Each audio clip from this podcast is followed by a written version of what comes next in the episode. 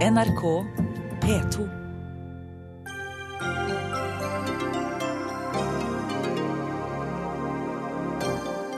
Hvor gammel du er og hvor mange gode leveår du har igjen, kan avgjøre om du skal få dyr behandling på sykehus, mener prioriteringsutvalget.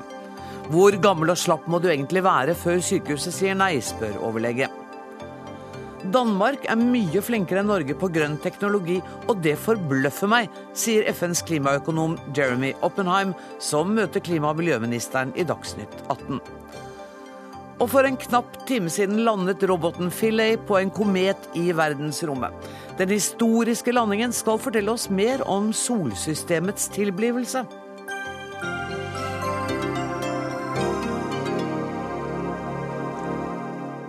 Dette er onsdagsutgaven av Dagsnytt 18, der vi naturligvis også får en siste oppdatering fra forhandlingene om statsbudsjettet. Men først. Flest mulig gode leveår for alle, rettferdig fordelt, bør være målet i norsk helsevesen. Det kan vi lese i innstillingen fra prioriteringsutvalget som blir lagt fram i dag. Utvalget fikk i fjor oppgaven med å vurdere hvordan vi skal bruke ressursene i et helsevesen som har tilgang på stadig flere medisiner og behandlingsmetoder. Velkommen til Dagsnytt 18, Ole Fridtjof Norheim. Du er professor i medisinsk etikk, og du har ledet dette utvalget. Flest mulig gode leveår for alle, det er et ambisiøst mål? Ja, vi har jo vært opptatt i utvalget av at vi måtte formulere noen ambisiøse mål og noen klare mål. Så det som er, kommer i tillegg til dette med flest mulig gode leveår for alle, det er rettferdig fordeling. At disse leveårene skal eh, fordeles så rettferdig som mulig. Og hvordan ser dere for dere at det kan gjøres? Det Livet vi... selv er urettferdig. Ja, ja, men vi kan heldigvis gjøre veldig mye ved hjelp av helsetjenester eh, for å gjøre livet bedre for, for pasientene. Så det vi har foreslått, er at man skal legger vekt på tre kriterier ved prioriteringsbeslutninger. Det ene er hvor mye vi kan hjelpe pasientene, altså helsegevinstkriterier.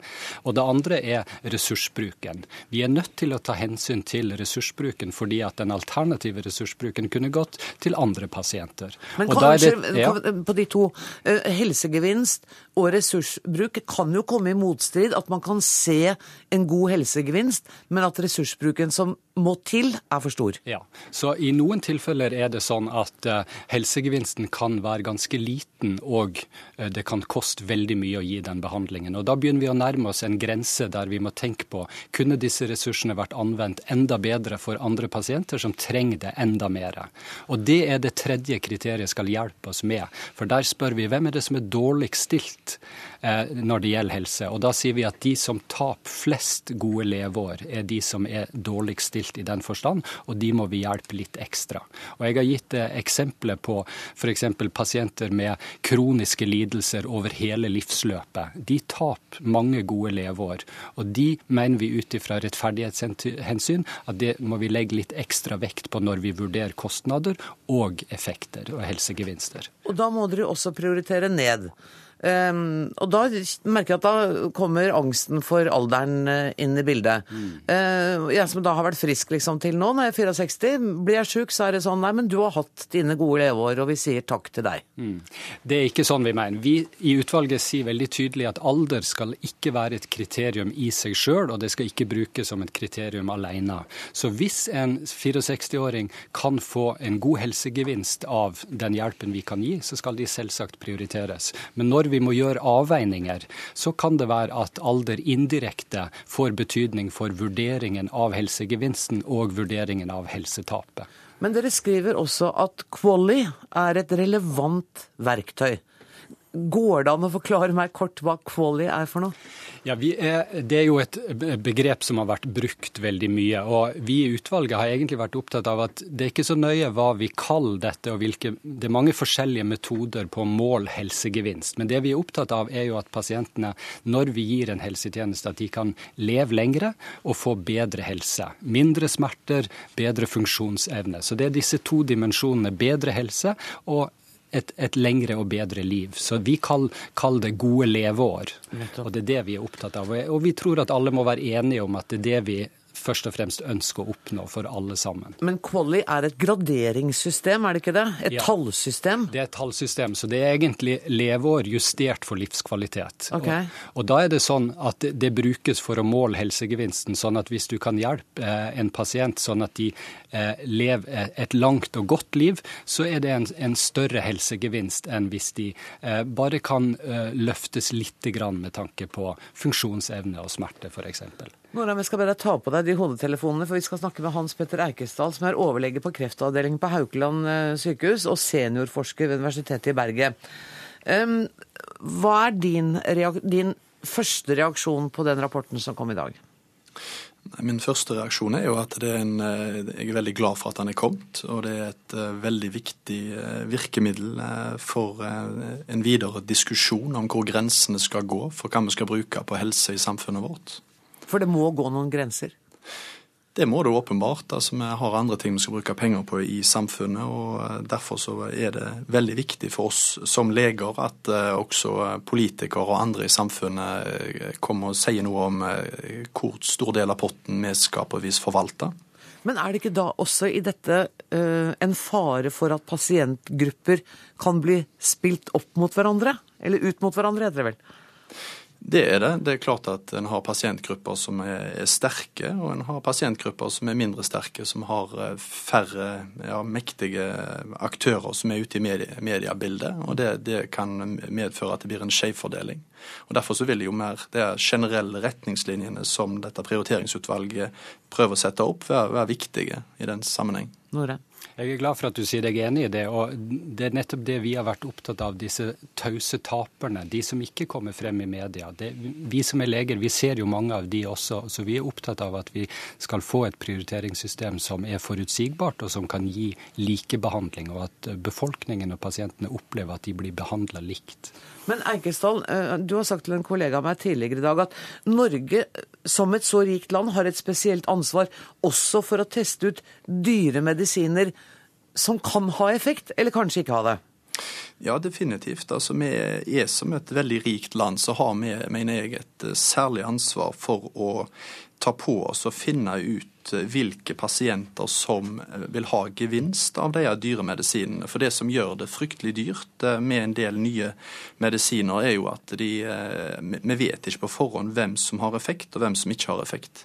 Og, og hvis, vi hadde, hvis, vi finner fram til blodprøver eller prøver som vi kan ta av kreftsvulster hvis det er kreftpasienter, som gjør at vi kan peke på hvilke pasienter som får effekt av den behandlingen, så trenger ikke en sånn behandling med nye legemidler å bli så fryktelig dyr. Sånn at, og Der har vi som et eh, rikt land unike muligheter forskningsmessig til å gå inn og gjøre den type forskning som må til for å finne disse såkalte biomarkørene. da. Er du enig i det, Nora? Ja, Utvalget har jo drøfta dette innovasjonshensynet veldig grundig. og eh, Utvalget har anbefalt at det absolutt er relevant når man skal eh, fordele forskningsmidler. Eh, og, og, det bør eh, tas hensyn til veldig i stor grad når man fordeler forskningsmidler. Men når man Men det er jo bare hva man kaller det, er det ikke det da? Nei, fordi at det er ofte ulike budsjetter. Så når det gjelder budsjetter til behandling eller utredning, da kan vi ikke ta hensyn til innovasjon. Da må vi vite at et nytt medikament f.eks. har effekt. For hvis ikke, så vil vi jo bruke ressursene feil, slik at andre som vi vet kunne ha hatt effekt, at de ikke får et tilbud da. Ja, men Eikesdal, er det ikke sånn at hvis, hvis jeg nå trengte noe veldig eksperimentelt og, og veldig dyrt, så kunne, kunne du og jeg bli enige om å kalle det for forskningsmidler? Ja, det, Hvis vi skulle kjøpt disse medisinene ut av apoteket, så hadde vi vært et veldig lite knippe av mennesker i Norge som ville hatt råd til det. Og, og problemet, hvis, hvis, slike dyre legemidler er tilgjengelige, men ikke, ikke, vil kunne brukes på tross av at en vet at de har til dels svært god effekt, er jo at vi vil kunne få et todelt uh, helsevesen, da, der, der de, rik, de, som har råd til det, kjøper helseforsikring for å få disse medisinene. Og, det må jo du ha tenkt på, Nore? Ja, det har vi diskutert veldig mye. og vi er jo opptatt av at alle eh, skal eh, få et godt tilbud. Så høyt prioriterte tjenester skal alle ha tilgang til, helt uavhengig av eh, personlig økonomi. Så det er et hovedprinsipp, og det tror vi vi kan kunne oppnå med de forslagene som vi har gitt i dag. Og så vet jeg at du har blitt spurt flere ganger i dag om hva som skal nedprioriteres, men svaret ditt har hele tiden vært at dere har ikke gått inn på å definere det enkelte sykdomstilfellet. Nei, det er riktig. Vi har gitt de generelle kriteriene, og så må de anvendes eh, for, for de, av de som eh, vurderer enkeltsaker. Og så må kanskje politikerne ta et større ansvar for å definere det. Det skal du slippe å gjøre. Tusen takk, Ole Fridtjof Norheim og Hans Petter Eikestad. Vi skal få inn eh, politikere i studio. Og de som, vi, de som kommer inn her nå, er både Torgeir Micaelsen, Bent Høie og Marit Hermansen. Hermansen sitter i sentralstyret for Legeforeningen og er leder for Norsk forening for allmennmedisin. Jeg begynner med, med deg, Marit Hermansen. Eh, hva slags utfordringer vil det være for leger å skulle følge de nye prioriteringskravene? Eh, jeg er litt usikker på om det gir meg godt verktøy. Eh, de, det vi er helt avhengig av, det er at politikerne bruker dette til å gjøre gode Eh, prioriteringer på rammer, hvilke pasienter som skal fordeles. Og når jeg har sett på dette som er kommet nå, så er jeg litt usikker på om det faktisk gir meg verktøy til å prioritere i møte med pasienten. For det er jo det jeg skal gjøre som eh, lege. Og da er jeg helt avhengig av at dette henger sammen, at noen har gjort de overordna prioriteringene, og at jeg får gode verktøy til å gjøre dette sammen med pasienten. Men hvor detaljerte verktøy vil du ha? Altså, Er det sånn at du skal ha på den enkelte diagnose, eller hva ser du for deg? Nei, jeg må ha eh, gode rammer, eh, gode retninger. Eh, og verktøy for det, det kan være Det er mange verktøy for det. Det kan være finansiering, det er retningslinjer, det er regler. Men så må jeg ha et rom et, for et klinisk skjønn i mitt møte med pasienten. For der er det pasienten og jeg som skal gjøre avveiningene opp mot dette, eh, hvor jeg skal kunne bruke disse rammene jeg har fått. Er du litt redd for at prioriteringsutvalget har oversett den siste lille kliniske biten? At det endelige ansvaret tross alt ligger hos deg og pasienten sammen? Jeg håper ikke de har gjort det. Eh, og det skal vi bruke god tid på å lese nå og se om dette eh, gir oss dette rommet. Og så er jeg veldig eh, opptatt av at politikerne skal ta det ansvaret de har for å gjøre de overordna prioriteringene. For du er også enig i at her må det prioriteres. Alle kan ikke få all medisin alltid. Nei, eh, og hvis man ikke prioriterer, så eh, prioriterer man jo ingen.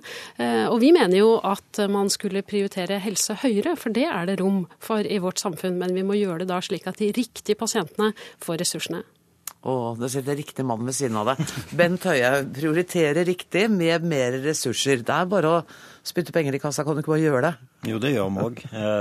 Men enda mer? Ja, altså det vil alltid være behov for mer penger til, til helse. men det er òg sånn at eh, det som er viktig, er at eh, de prioriteringskriteriene som en kommer fram til etter den diskusjonen som nå kommer etter utvalget sin anbefaling, og jeg kommer jo til å sende den ut på høring, eh, og få en god diskusjon og nettopp teste det utvalget foreslår opp mot din hverdag, andre som jobber i helsetjenesten hverdag, pasientenes opplevelser. Og så eh, foreslå noen konklusjoner for Stortinget basert eh, på det. Men jeg er jo veldig opptatt av de, det vi da kommer fram til det må være noe som kan brukes både av den enkelte lege i møte med pasienten, men òg eh, eh, når vi diskuterer statsbudsjettet og de mer overordnede prioriteringene. Og det burde vel også være et verktøy som jeg som pasient kan bruke, i den forstand at jeg vet hva jeg har å forholde meg til nå? Absolutt, og det er òg derfor det er så viktig med en åpen eh, og demokratisk diskusjon rundt dette. At det både er sånn at vi som pasienter føler oss trygge at når vi møter helsetjenesten, så vet vi hvilke eh, kriterier de prioriterer etter. Eh, men det gir òg den støtten som du etterlyser, og sier at det er viktig at helsepersonell, som i dag òg står og møter pasienter, og prioriterer hver eneste dag, vet at de prinsippene som vi gjør litt på. Men så er jeg veldig glad for at eh, utvalget løfter fram to nye perspektiver som ikke var så klart framme før. Det ene er at det å involvere pasienten i beslutningen, det som jeg sier at ingen beslutninger skal tas om meg uten meg i helsetjenesten, mm. er òg faktisk et prioriteringsverktøy. Det er ikke sånn at pasientene, hvis de får god informasjon, alltid velger det mest ekspansive og det dyreste. En velger mer da ut ifra sitt eget behov, sine egne vurderinger, hva som er god helse og hva en mener er fornuftig. Og det andre er òg at en, en her òg er tydelig på at det å gi god medisinsk behandling, det å følge de faglige retningslinjene, det å ha oppmerksomhet rundt kvalitet for å unngå for stor variasjon, som vi har i den norske helsetjenesten, det er òg viktig i en prioriteringssammenheng, og det er veldig bra. Men vet du hva, jeg syns at du bare med litt flere ord sa det samme som Herman. Så jeg syns dere var ja, veldig enige nå. Veldig enige. Ja. uh, Torgeir Micaelsen, skal se hva jeg kan bidra med. Skal, kan du bidra med? Nå kan du komme inn uh, her. Uh, for det, det, er, det, er, bred enighet om at det er flott at det har vært nedsatt dette utvalget. Det var det for øvrig Arbeiderpartiregjeringen blant andre som gjorde. og det er bra at det er kommet et dokument på bordet som tar opp disse viktige spørsmålene. Men du har noen innvendinger? Eh, ja, jeg kunne holdt et langt foredrag om hvor bra dette her er. Altså, ja. fordi, men det skal da trenger jeg ikke å si. Det gjør disse to. Ja, nettopp. Um, jeg, er ikke, jeg, er ikke, enig i at det er veldig mange innvendinger. Altså, jeg har, eh, som jeg er helt sikker på mange andre har, spørsmål, okay. motforestillinger. Uh, og jeg har bl.a. trukket fram at jeg, jeg tror ikke jeg er ikke sikker på at det er noen farbar vei at vi i Norge skal bruke egenandeler for eksempel, som verktøy for å styre helseressurser. Jeg tror ikke det vil bli forstått. og jeg tror. Kan ikke du bare presisere hva, ja. hva det nye forslaget går ut på? Altså, de foreslår ikke noe dramatisk, men, men de peker på én mulig vei å gå. At man kan gradere egenandelene noe mer etter såkalte mindre alvorlige tilstander. altså det, og så gir de noen eksempler på det. Eh, og av mer alvorlige tilstander. At noen kan få null egenandel, og noen kan få betydelig høyere eh, hvis man tar dette lenger ut. Eh, jeg tror ikke det vil virke. Jeg tror det blir mer byråkrati, mer rapportering. Og jeg er usikker på om eh, det vil ha noe oppslutning også, hvis det blir slik at de som kan betale, eh, får det, og de som ikke kan betale, ikke kan f.eks. få hjelp til grå stær, som er, for mange oppleves som en veldig alvorlig lidelse. Men jeg skulle ønske at det var slik at jeg kunne si fordi jeg har mer penger til sykehus enn Høie, fordi jeg ikke gir, mer, altså gir ikke skattelette, eh, noe jeg for øvrig gjør, og vi skal presentere forslag til det. Verden, nei, men, endte vi der? Nei, men, men, jeg skulle ønske at allikevel at jeg da kunne si at da er det nok til alle. Sånn vil det ikke være. Nei. Det vil ikke være med regjeringsopplegg, og det vil ikke være med mitt. Og da må vi diskutere disse spørsmålene. Jeg tror ikke vi kommer fram til noen fasit, og jeg er helt overbevist om at ja, Legeforeningen og andre fortsatt med sine medlemmer må vise og skal vise sitt eh, kliniske skjønn. Eh, hvis ikke så kunne vi lagd en matematisk formel, en ligning. Mm. Litt det dere var inne på her i stad, med denne kvali, altså et kvalitetsjustert leveår. Og så kunne vi vedtatt det en gang for alle i Stortinget hvert år, og så kunne vi sagt sånn er det. Sånn kan vi jo ikke ha det. Sånn er ikke verden. Eh, og Derfor vil det være rom for skjønn, og det finnes ikke noe fasit. Og det vil det, og det mener helseministeren også. Men du overrasker meg litt, for jeg trodde at du ville kommet mye mer på redselen for økt privatisering. Jeg i din argumentasjon. Men den ser du ikke som noe problem som en konsekvens av den rapporten? Det er jo litt avhengig av hvilken vei man går. Det er flere øh, måter det kan slå ut på det. Men, men det er klart at øh, altså, hvis du får en, kraftig økning av egenandelen for enkelte, så vil du jo da lage et sånt øh, A- og B-lag internt i det offentlige helsetjenesten, hvor de som kan betale, får tilgang på det også i det offentlige, for det tilbys der. Mens de som ikke kan betale, enten da mm, ja, ikke får det. Jeg tror nok ikke at det skal tolkes så langt, men jeg vil bare signalisere at jeg er usikker på om det er riktig vei å gå. Og jeg har vel ikke hørt så mange andre i dag som heller har tatt til orde for det. Det jeg derimot tror vi må diskutere, det er at vi må slutte å lure oss selv til å tro at alle skal nærmest få behandling eh, ja, samtidig. Det går ikke. Det er en rekkefølgebestemmelse. Vi egentlig bestemmer oss for om, ja, hvordan skal gjøres. Og Derfor er jeg glad for at uh, f.eks. utvalget problematiserer Høies uh, prestisjereform som handler om fritt behandlingsvalg. Det er et ja, etter mitt syn noe som kan bidra til å gjøre denne diskusjonen vanskeligere eh, ikke enklere i framtida. Det som utvalget er helt tydelig på, er at de vil, eh, de vil prioritere kroniske lidelser, altså MS. Eh, de snakker om rusavhengighet, og de snakker om psykiske lidelser. Jeg skjønner at jeg ikke kan trekke deg for langt til å konkludere, men er det i utgangspunktet en prioritering du er enig i? Ja, altså Den beskrivelsen de gir av at, uh, som de har kommet fram til, at uh, mennesker med psykiske helseutfordringer og mennesker med rusavhengighet ikke har blitt godt nok prioritert, høyt nok prioritert i den norske helsetjenesten, det er jo den samme analysen som òg regjeringen har. og Det er jo grunnen til at jeg har innført en regel i spesialisthelsetjenesten om at disse to uh, pasientgruppene skal prioriteres. og Det er òg grunnen til at jeg foreslår at den nye pasientrettigheten fritt behandlingsvalg først innføres nettopp for disse to pasientgruppene. Eh, så det tror jeg vi kan være enige om. Det er jo også litt sånn at altså, det som var klar var at psykisk eh, helseutfordring er jo i realiteten nesten en ungdomssykdom. De aller fleste som blir psykisk syke, blir det i ungdomsårene. Hvis de da ikke får hjelp, så er det klart at da skal en leve et langt liv. Eh, kanskje med en kronisk sykdom som gjør at en faller ut forbi arbeidslivet. Eh, og da vet man at det får store betydning, ikke bare på livskvaliteten, men faktisk òg på antall år en lever. Det å være ensom er faktisk like farlig som å røyke. Mm. Og det er en tenkning i utvalget som jeg er veldig glad for at de trekker fram. Det er helt enig, og det er veldig viktig at det dras. Ja, men dette er helt enig, men det som da blir konsekvensen av det, er jo tilbake til det jeg sa, at hvis det ikke skal være egenandeler vi diskuterer, så er det en, en måte, rekkefølgebestemmelse. og Det er egentlig det de antyder i utvalget. Mm. At hvis måte, ungdom som tidlig i livet sliter med depresjoner, eh, strever med livet sitt, skal få hjelp raskere, så kan det hende at noen av oss andre med vondt i knær og vondt i hofter og ja, ting som kan vente noe lengre, må tåle det. Og Hermansen, og her er det du kommer inn og skal foreta disse valgene i det daglige livet. Ja, eh, og, for å si, plukke opp det med egenandeler, så mener jo vi at egenandeler det er et sterkt virkemiddel. Og i dag så er det ganske tilfeldig hvordan det er plassert. Det er til dels historisk, til dels eh, tilfeldig. Så en ordentlig gjennomgang av det tror jeg er uh, viktig. For dette er blant de virkemidlene som virkelig slår inn. Uh, mange av mine pasienter har ikke råd til nødvendige helsetjenester fordi de må betale egenandeler. Mm. Og det er ikke snakk om at egenandelen ifølge dette forslaget skal økes radikalt. Det skal ikke ut over dagens nivå, det skal bare fordeles på en annen måte. Har jeg ikke oppfattet det riktig da, Høie? Jo, og det er fordi at det er tverrpolitisk enighet i Norge at vi skal ha lave egenandeler. Ja. Uh, men det som utvalget har gjort, er gjort en fortjenstfull jobb i å analysere hvordan egenandelene ser ut i dag. Eh, og det syns jeg at det er et arbeid som jeg mener er så viktig, og du sier det jo veldig korrekt. Eh, I dagens struktur er veldig tilfeldig. Historiske årsaker, og den henger nødvendigvis ikke sammen med de prioriteringskriteriene som, som det er bred enighet om. Og Da syns jeg det er viktig å diskutere det, og ikke skyte det ned første dag. Mm. Eh, som jeg litt opplever at Arbeiderpartiet gjør. Og det syns jeg er litt rart, siden det er de som har gitt utvalget mandater. Ja, jeg hadde følelsen at det var løskrutt i den ja, det, Altså, det, var, det, var, ikke mye Det var ikke kanon. Det var ikke det. Var ikke kanon. Ja, jeg syns vel ikke det. Og det blir vel litt det samme som at uh, Høie har lovet før valget at egenandelen skal holdes uh, lave. Han sier det samme nå, men likevel skal vi ta debatten. Jeg vet ja. ikke hvor fruktbart det da blir. Jeg syns det kanskje er greit å si at jeg er ikke sikker på om det er riktig vei å gå. Jeg skal ikke helt avvise at det er mulig å gjøre endringer, for det er mange historiske logiske forklaringer på noen ting.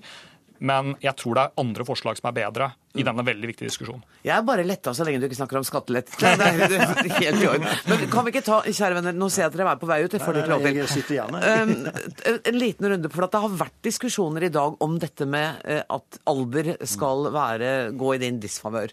Um, og av de tre elementene eh, som Norheim refererte, så er det klart at alder spiller en stor rolle. Hvor bekymra er du over de reaksjonene som har kommet på det i dag, Øye? For det første så tror jeg nok at inntrykket som ble skapt i dag morges, var nok at utvalget hadde foreslått alder som et eget prioriteringskriterium. Og det har de ikke gjort. Og det er det viktig at vi får fram, mm. og ikke skaper unødvendig redsel for det. Men så er det ikke tvil om at eh, de presiseringene av dagens prioriteringskriterier som utvalget foreslår, vil innebære i praksis mm. at alder får en større betydning enn det det har i dag. Det mener jeg er en av de eh, viktige diskusjonene vi skal ta eh, fram til vi konkluderer og legger saken framfor Stortinget. Og når Stortinget skal diskutere dette, er, slett, er det riktig, eller er det ikke det? Eh, for det er et av de vanskelige spørsmålene som eh, utvalget nå har overlatt eh, til oss politikere å, å, konkludere i. Og Det blir ikke en lett diskusjon, men jeg håper det blir en god diskusjon. Ja, For det er, også en, det er et valg som ikke legene skal sitte alene om? Nei, og det, og det, er kanskje blant uh, disse kriteriene som jeg lurer på er nyttige for meg i, i hverdagen. Uh, og så Samtidig så tenker jeg at dette har vi jo alltid tatt hensyn til. Det er jo ingen hemmelighet at, at vi alltid har jobbet hardt og intenst for de unge og de små.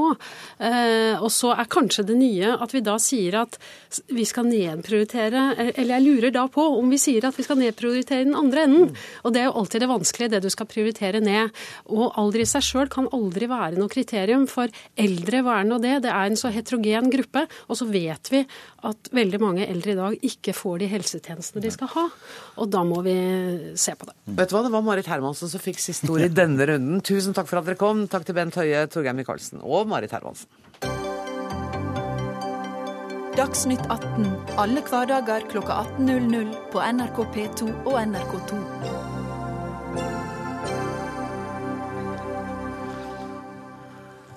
FNs programdirektør for miljø og klima, Jeremy Oppenheim, er i Norge, og han er ikke imponert over Norges klimainnsats lenger. Det kom fram i en artikkel i Dagens Næringsliv i dag. Der sier han at han er overrasket over at Norge ikke har noen ledende bedrifter innen grønn teknologi. Jeremy Oppenheim, welcome. Thank you. It's so nice to meet you, and it's a privilege to have you in this show. Um, I was just referring to an article in today's national newspaper saying that um, you were surprised that Norway is not playing a leading role in uh, promoting the green economy. Um, and could you elaborate on that? Well, I, I, my my real message is that I think Norway has an astonishing set of opportunities uh, to help shape key sectors of the of the of the global economy. That, if you are the the green sectors, and and we know that Norway can do this in in things like hydropower, and it's already a major player in that sector, um, and we we believe that, that the intellectual capital, the engineering talent of this country is such that you would imagine that, that, that Norway could be playing a similar role in other sectors. But we're not. And and and you know the question is um, how to how to make that happen um, over the next uh, few years. And, You and- got an answer? well, the, the, the answer is a, a, always a combination. It's a combination of making sure that the policies are really supportive, um, making sure that we um, have enough of the younger talent in the country um, that wants, and I know that wants to play in and into these sectors and grow new companies. Um, I was just talking about this with the minister, but how do you begin to really build that innovation engine uh, for the economy um, and, and bringing the right forms of capital to bear? I mean, at the end, this is going to have to be market driven. Let's not kid ourselves. This won't be just a question of policy, um, but there are great assets here, and we should use them to the, the, the best advantage possible. I to translate a little bit of what you said to Norwegian, so if you bear with me. Um, han sier altså at Norge har all mulig kapasitet og kompetanse til å være drivende på dette. Eh, Det må en støttende politikk til, men politikk alene er ikke nok. eh, også For det er markedet. Vi må ikke lure oss selv. Markedet kommer til å være avgjørende. Men et av punktene er å beholde de intellektuelle unge som har gründermentalitet. Var det sånn noenlunde det han sa, miljøvernminister? Det hørtes veldig riktig ut. Og Ja, ok. I'm going to carry on with uh, Mr. Oppenheim for a little while. Um, today I listened to a speech you gave at the Brat- Bratteli seminar when you were in Norway in January.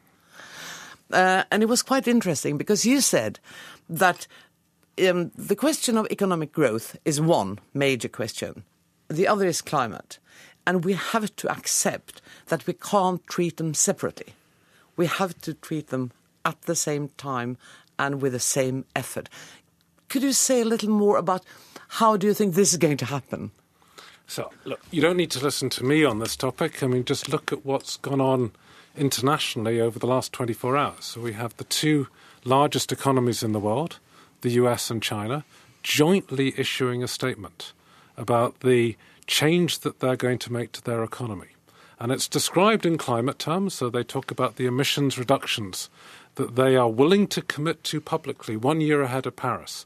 But what they're really doing is sending the strongest possible signal to the market that the future of the global economy will be a low carbon future. Yeah. And so, so what they're saying at the scale of these two economies is that, that businesses now need to really wake up and not just buy small options around low carbon, but really wake up to the fact that there's a fundamental shift that will take place and that that shift is, is actually good for economic growth. But China is going to wake up around 2030. I mean, there's no, nothing's going to happen in China until 2030. That's what they've assigned today. Well, actually, I'd, let me disagree with you. Okay, okay. Um, well, but let's let's hear from our correspondent in Beijing. Can I ask you all to take on your headphones, please, and we can talk to um, Peter Svår. Hei, Peter. Nei, vi har ikke kontakt med Jo, vi har kontakt med Beijing. Hallo, Petter Svår. Hallo, hallo. Eh, Det er litt uenighet her i studio. Jeg sa at eh, Kina har egentlig ikke lovet eh, å redusere noe før i 2030, mens Jeremy Oppenheim sier at der er han helt uenig med meg. Forklar oss, hva er det som er konklusjonen på den avtalen mellom USA og Kina i dag? For Kinas del blir dette sett på mer som en symbolsk enn som en bindende avtale. Det er den politiske tyngden gjennom på en måte håndtrykket og viljen som forplikter her, mer enn teksten i seg selv. For det som står, er jo at Kina skal stanse veksten i sine utslipp innen 2030. Det er som eh, du nevnte 16 år til. I mellomtiden kan kineserne øke utslippene så mye de vil. Og dessuten konkluderte en kinesisk forskningsrapport for bare en uke siden med at Kinas utslippstopp uansett trolig vil komme rundt år 2025-2030, fordi tilflyttingen til byene da vil avta, man vil bruke mindre kull. Eh, så Kinas kurs vil ikke endres mye av dagens avtale. Så da er det i realiteten det at man har inngått en avtale som er det viktige? Ja, det er det viktige, og det vil kanskje også ha en viktig dynamikk i klimaforhandlingene fremover, hvor eh, Kina og USA har stått mot hverandre, og ingen har vært villig til å kutte først. Eh, det man har gjort i dag, er jo å sende et kraftig signal om at dette er en utfordring som eh, verdens to utslippsland er nødt til å stå sammen om. Hvordan har dette blitt mottatt i Beijing? Uh, ja, det har jo vært en, en, et stort fokus på denne avtalen i dag. Men hvis man hører på de kinesiske miljøorganisasjonene, så sier de jo nettopp dette. At dette har en stor symbolsk betydning og er et kraftig politisk signal. Men samtidig at den avtaleteksten man har kommet frem til, nok ikke vil påvirke kinesisk eh, retning og politikk så veldig mye. Det er jo også en forpliktelse her om at Kina skal opp fra 10 til 20% forbruk av nullutslippsenergi også innen 2030. Eh, det er også en prosess som analytikere her sier er godt i gang allerede. Det er veldig omfattende tiltak det er snakk om. For å bare gi et kort bilde på det. Eh, når Kina skal opp fra 10 til 20% forbruk av nullutslippsenergi, så handler det om 1000 gigawatt eh, i elektrisk kapasitet. Det tilsvarer ifølge eh, Greenpeace i Kina omtrent hele det amerikanske strømnettet i dag, som da skal over på atomkraft og på vindenergi, solenergi, alternative energiformer. Eh, men det er altså en prosess som allerede er i gang, og ikke nødvendigvis noe som vil påvirkes veldig av dagens håndtrykk med Obama. Takk skal du ha, Peter Smoy. We heard from I'm, I'm terribly sorry, I, I can't translate everything, but we're talking huge quantities of emissions um, that are going to be reduced. Uh, China is this enormous country. Norway is such a small country, but incredibly rich. Um, what advice have you given the minister today? So I think Norway is a a role model in many respects. Um, no country's perfect, not even Norway. But um, but but what Norway does um, has profound implications way beyond its border. So how you develop the energy system here and really take full advantage of the hydro assets domestically, and how that gets plugged into the European system. Mm. How we really drive that innovation agenda. How we demonstrate that it's possible to have a really successful economy with a intelligently level, uh, an intelligent level of a carbon price.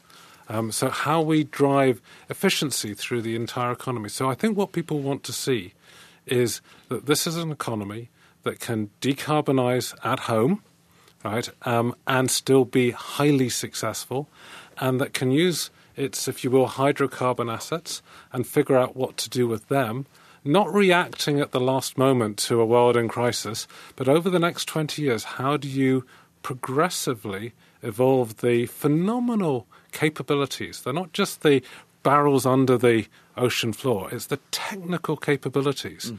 that your, your oil and gas sector has. How do you repurpose them over 20 to 30 years to be at the heart of if you will, building new businesses around a, a, closed loop carbon management economy. There are so many opportunities, and, and Norway is so well positioned right now um, so the the time to get on and think through a strategy that is, in all honesty, not a, a one year strategy or a three year, but with the great benefit that Norway has of being able to look 20 years and think hard and plan and coordinate what you do because of the benefit, as you say, of being small and a relatively rich country. You have the biggest asset of all, which is the capacity to take your strength your capacity to plan, the intellectual assets, the technical assets you have, and repurpose them to the kind of economy that can grow on a low and ultimately zero carbon basis, and you can show that to the world. Um, Sundtoft, uh, igjen fort, han sier altså at vi er i en unik posisjon, og det er veldig mye bra med det Norge gjør, han understreker det, men at vi da har på et 20-årsaspekt, uh, så skal vi videreutvikle, utnytte og dyrke de intellektuelle og de tekniske og de innovative ressursene vi har. Det er for meg ord. Åssen har du tenkt å gjøre det i praksis? Eh, jeg tror det, det Oppenheim sier, er veldig viktig. Han har ledet et uh, bra arbeid på New Climate Economy som viser hvordan vi nå må tenke klima innenfor økonomisk vekst. Det er jo det vi tar med oss inn i dette. her. Og Det som er kommet fra USA og Kina, står jo for nesten halvparten av verdens utslipp. Norge står for 0,1% av verdens utslipp. Men allikevel så er vår rolle viktig. Når han snakker i et langt perspektiv, så er det samme som regjeringen har sagt, at vi må omstille dette samfunnet til et lavutslippssamfunn. Hvor vi må få norsk industri, norsk næringsliv med på det skiftet. Eh, hva vi har gjort innenfor norsk vannkraft, som nå tas en ny omdreining ved at regjeringen har gitt konsesjon til kraftkabler til England og Tyskland, slik at vi knytter oss opp mot det europeiske energimarkedet. Norsk prosessindustri har vært igjennom formidable omstillinger de siste årene, og er beredt til å gjøre mer. Eh, Så du har konkrete ideer? Altså, ja, ja, ja, ja. Vi har Kompassnåla er klar? Kompassnåla er klar. Vi mener at vi har riktig verktøy for å få gjort ting i den retning som kompassnåla virker. Hva som har vært diskutert på Zero-konferansen i dag, med mm. gode, konkrete eksempler fra norske bedrifter som er med på det grønne skiftet. Mm. Det er det Jeg har brukt masse tid det siste året på å snakke med norske næringslivsledere som nå virkelig er med på det grønne skiftet. Og Det gjelder jo da å finne den riktige miksen mellom eh, pisk og gulrot for å få det til.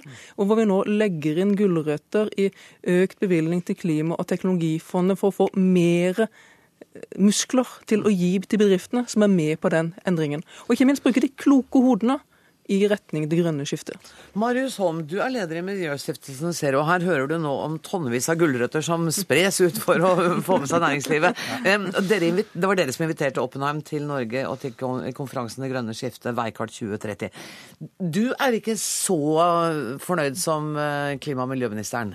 Nei, jeg syns Oppenheim har et veldig godt poeng når han uh, sier at vi har store muligheter ved å utvikle en lavkarbonøkonomi i Norge. Ja. Er bare, det er jo ikke bare det at vi slipper ut mye CO2 i Norge, men vi er også veldig avhengig av uh, oljeindustrien. Mm. Og, og, den vil jo måtte krympe gradvis uh, de neste tiårene.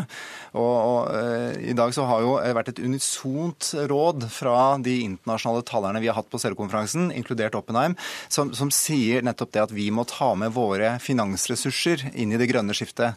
Fordi det er jo sånn at når du, når du går fra olje og gass og kull til fornybar, så går du egentlig fra liksom råvarebasert energi til kapitalbasert. Når du bygger fornybar, så, så, handler det først og fremst om kapital. Og Det er kanskje et av de eh, stedene hvor Norge har store muskler. Det er på teknologi og innenfor industri og maritim, som eh, Sundtoft nevner her. Det eh, er jeg helt enig i. ja, for det høres ikke så uenighet ut. Altså, det du det. sier nå, det kunne like gjerne Sundtoft ha sagt. Ja, poenget er at Sundtoft må jo ikke bare si det, hun må gjøre det. Og da er det jo sånn at... Det er lettere å være deg. Ja, det er lettere å være meg. Men, men regjeringa er nødt til å, å, trappe, å, trappe, opp her. fordi det er klart at eh, Hvis vi skal klare å være lavkarbonøkonomi, at vi skal være på god vei til det i 2030, det må vi nemlig. Hvis verden skal være det i 2050, så må noen ha vist hvordan man skal gjøre det. Noen må ha klart å gjøre det mulig. Ja, jeg er veldig optimistisk, er men det er, trengs nok et annet politisk tempo. Foreløpig nå så er det er nok sånn at næringslivet eh, går to skritt foran og roper 'kom etter regjering', mens regjeringen er litt sånn I ord er de med, men, men i politikk så er det et stykke å gå. Vi ser jo det i budsjettforhandlingene på Stortinget nå. Men Sundtoft, hvis vi skal klare det som er eh, Holms eh, mål, 2030, eh, tror du det? Ja, vi er godt i gang med omstillingen. Og da å finne den riktige miksen på pisk og gulrøtter her. Men det viktige er at det er også så klarsignal fra norsk næringsliv at de er med på dette her nå. Og da er det å innrette skatt skatte- og avgiftspolitikken. Derfor har vi også satt ned en grønn skattekommisjon for å se på den innretningen. Og vi plusser på med mer penger for å få fortgang på den omstillingen. Jeg må sette strek og si tusen takk for at dere kom. Thank you so much for coming. Thank you, Jeremy Oppenheim. Takk til Tine Sundtoft, Peter Svaar og Marius Holm.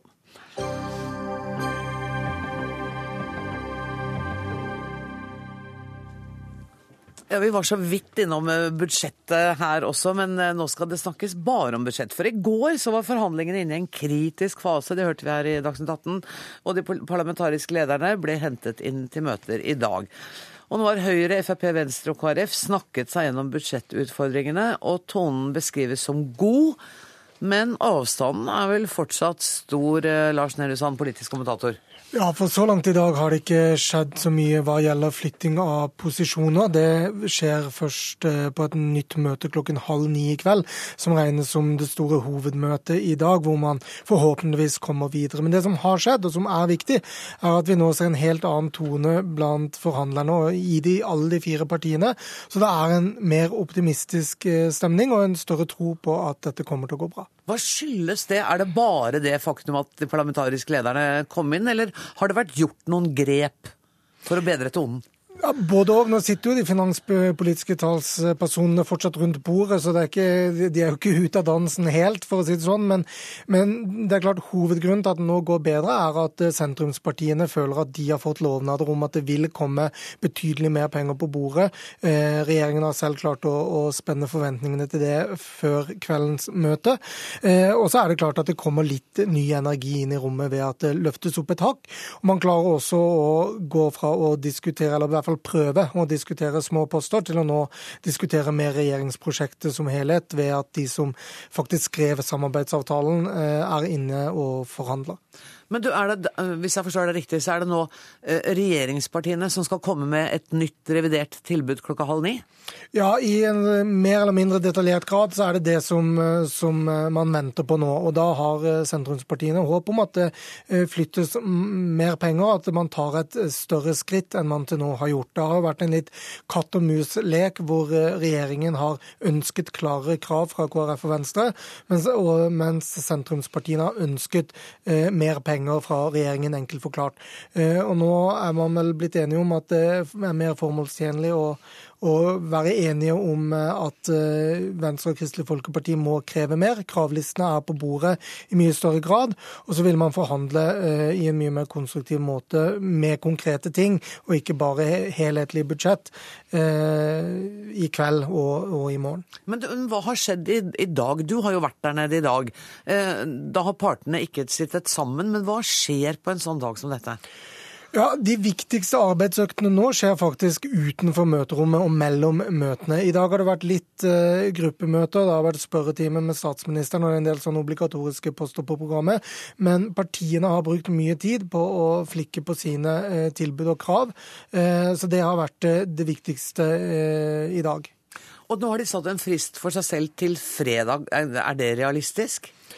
Det som gjør det realistisk, er i hvert fall at hvis man ikke blir ferdig på fredag og går inn i helgen, så kan man selvfølgelig det. Men da må eh, partiene gi en beskjed til Stortingets presidentskap om at man ikke vil overholde de fristene man har i eh, denne neste uke.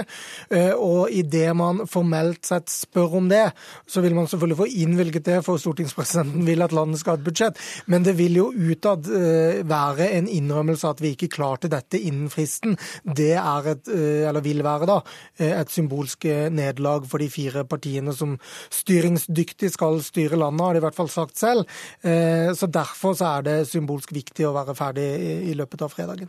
Men, men Lars, det er jo flere tusen poster i dette eh, budsjettet. Det er, skal, det er dårlig gjort å be kolleger spå, men hvis du skulle trekke fram ett felt som blir virkelig bøygen og det vanskelige å enes om, er det i det hele tatt mulig? Det er Fremskrittspartiet som har størst behov for tydelig fotavtrykk, og at det blir stående igjen. Og Derfor så har eh, gjennom disse forhandlingene eh, bensinavgiften eh, pekt seg ut som en sånn sak, som jeg tror mange vil følge ekstra spent med på hva skjer med når man legger frem et endelig resultat.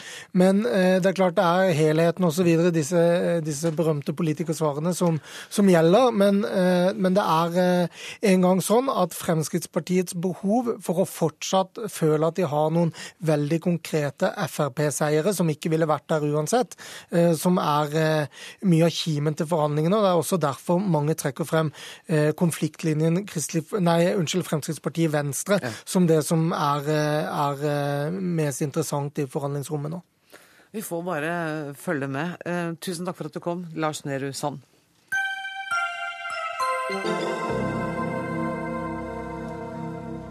Forskningen på høyreekstremisme er i ferd med å dø ut. Det skriver Thomas Hegghammer ved Forsvarets forskningsinstitutt i en kronikk i Aftenposten i dag.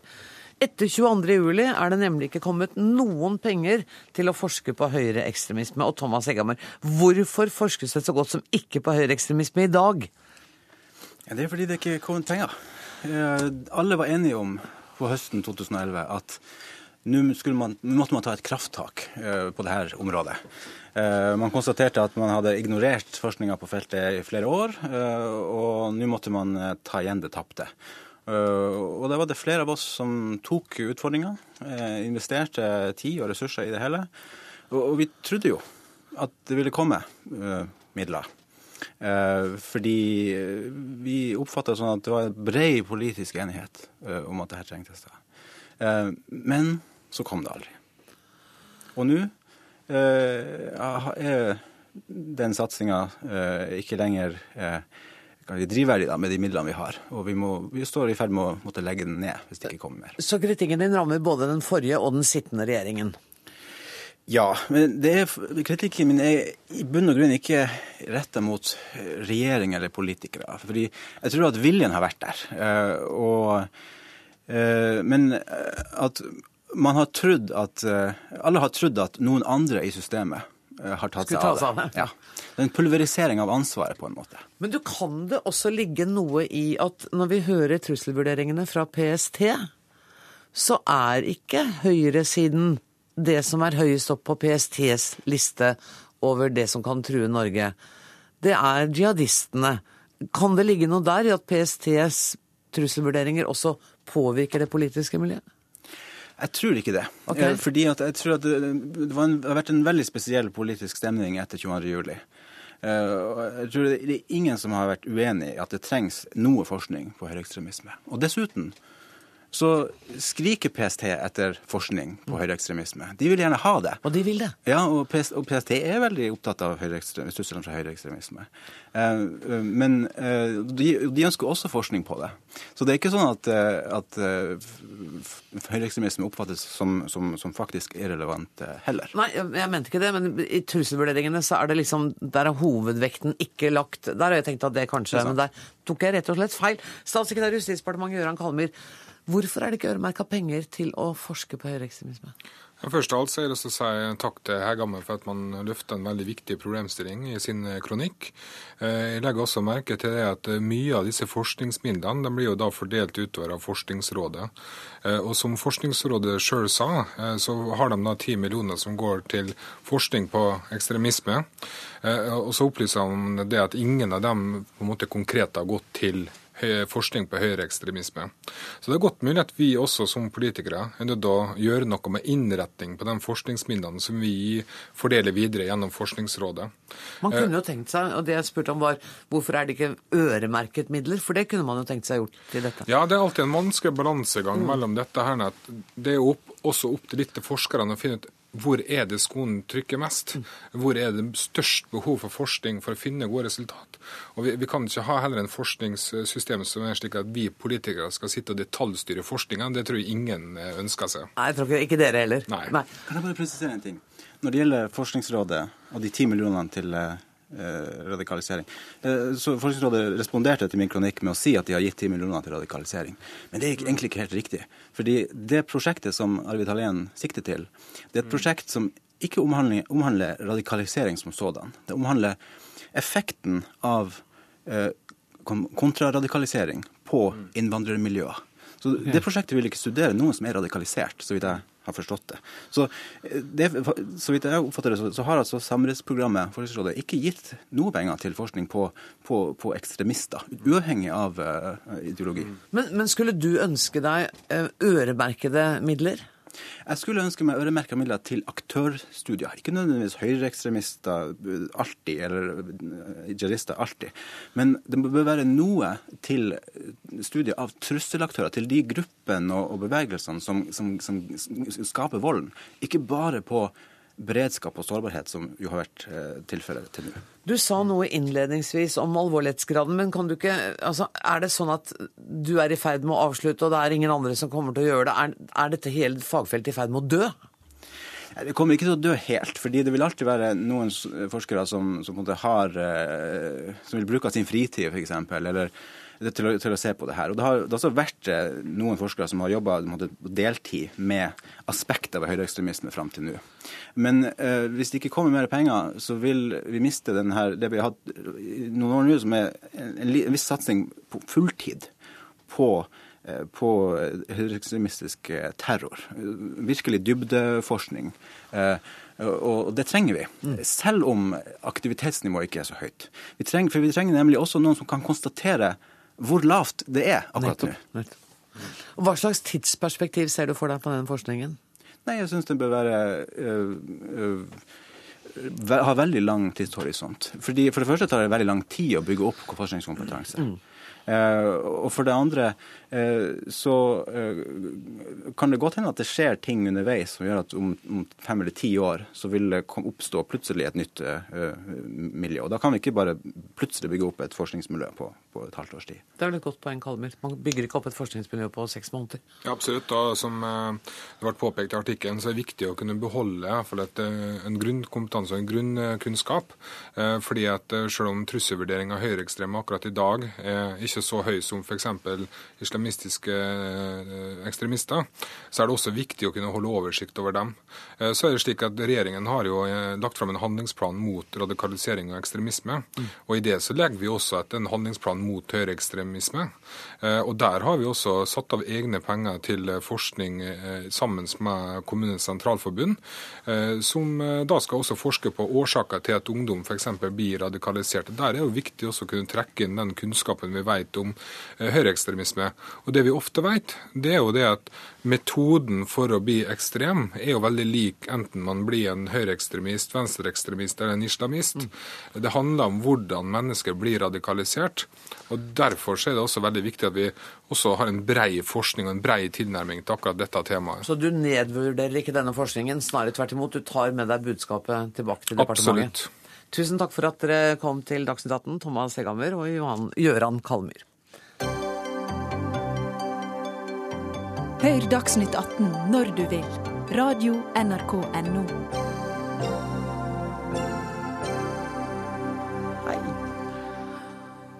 For mindre enn to timer siden brøt jubelen løs mange steder over verden, men bl.a. på ESAs kontrollsenter, og der hørtes det sånn ut.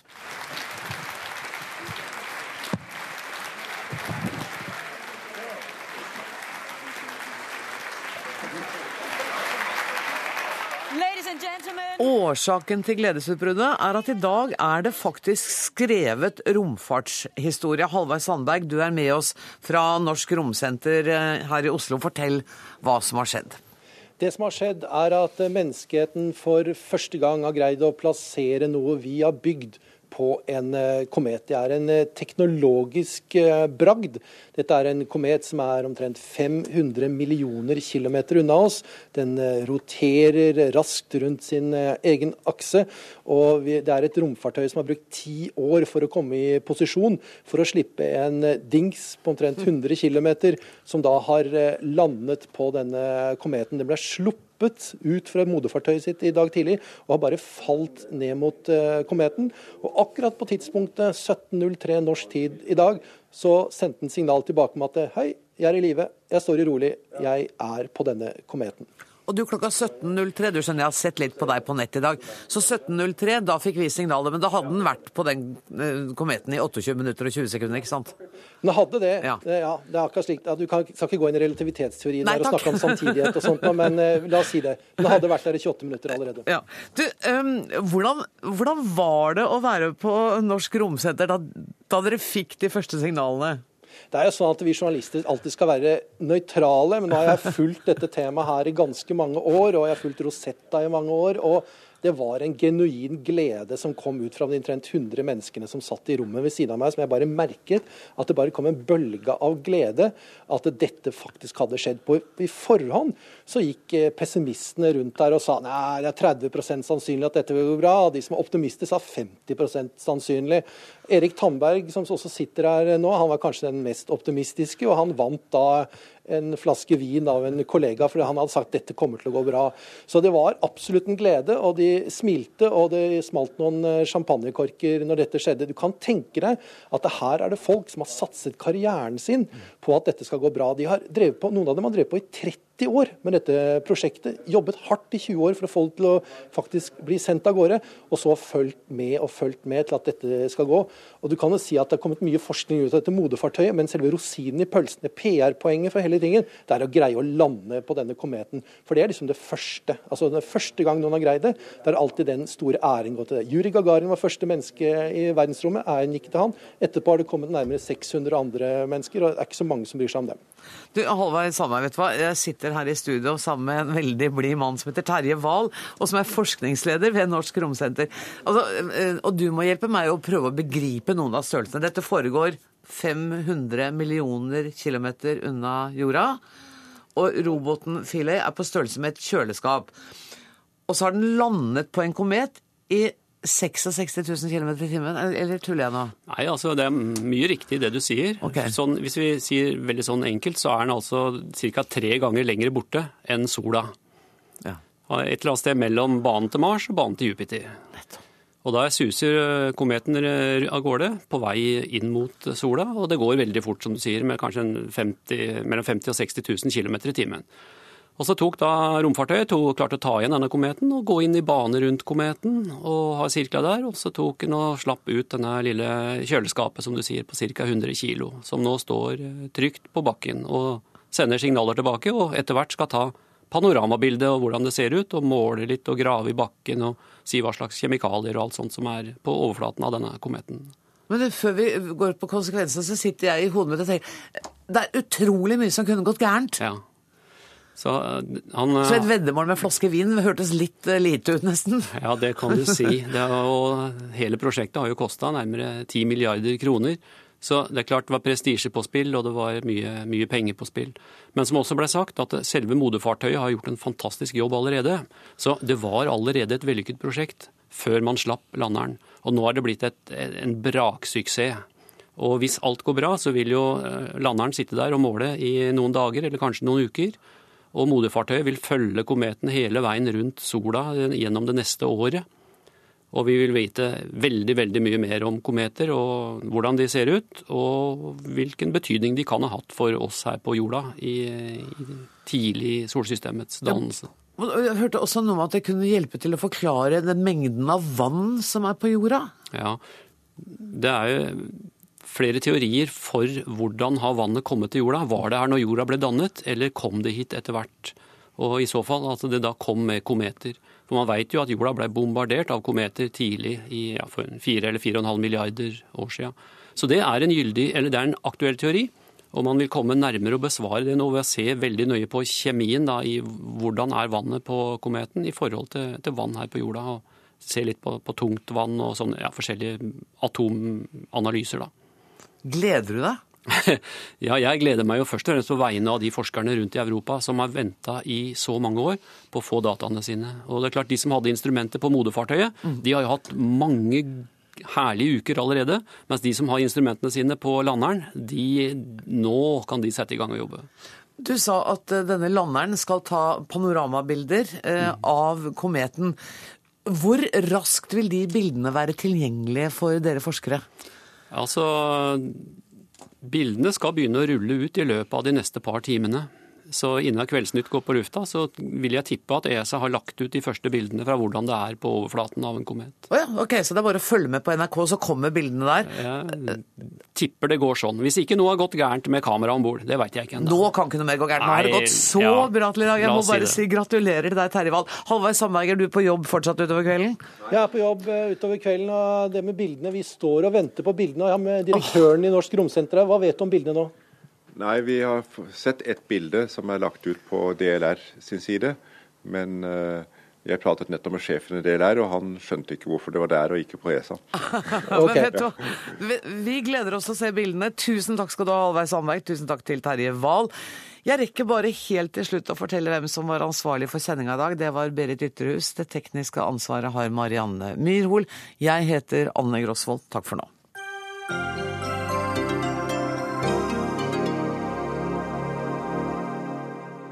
Hør flere podkaster på nrk.no podkast.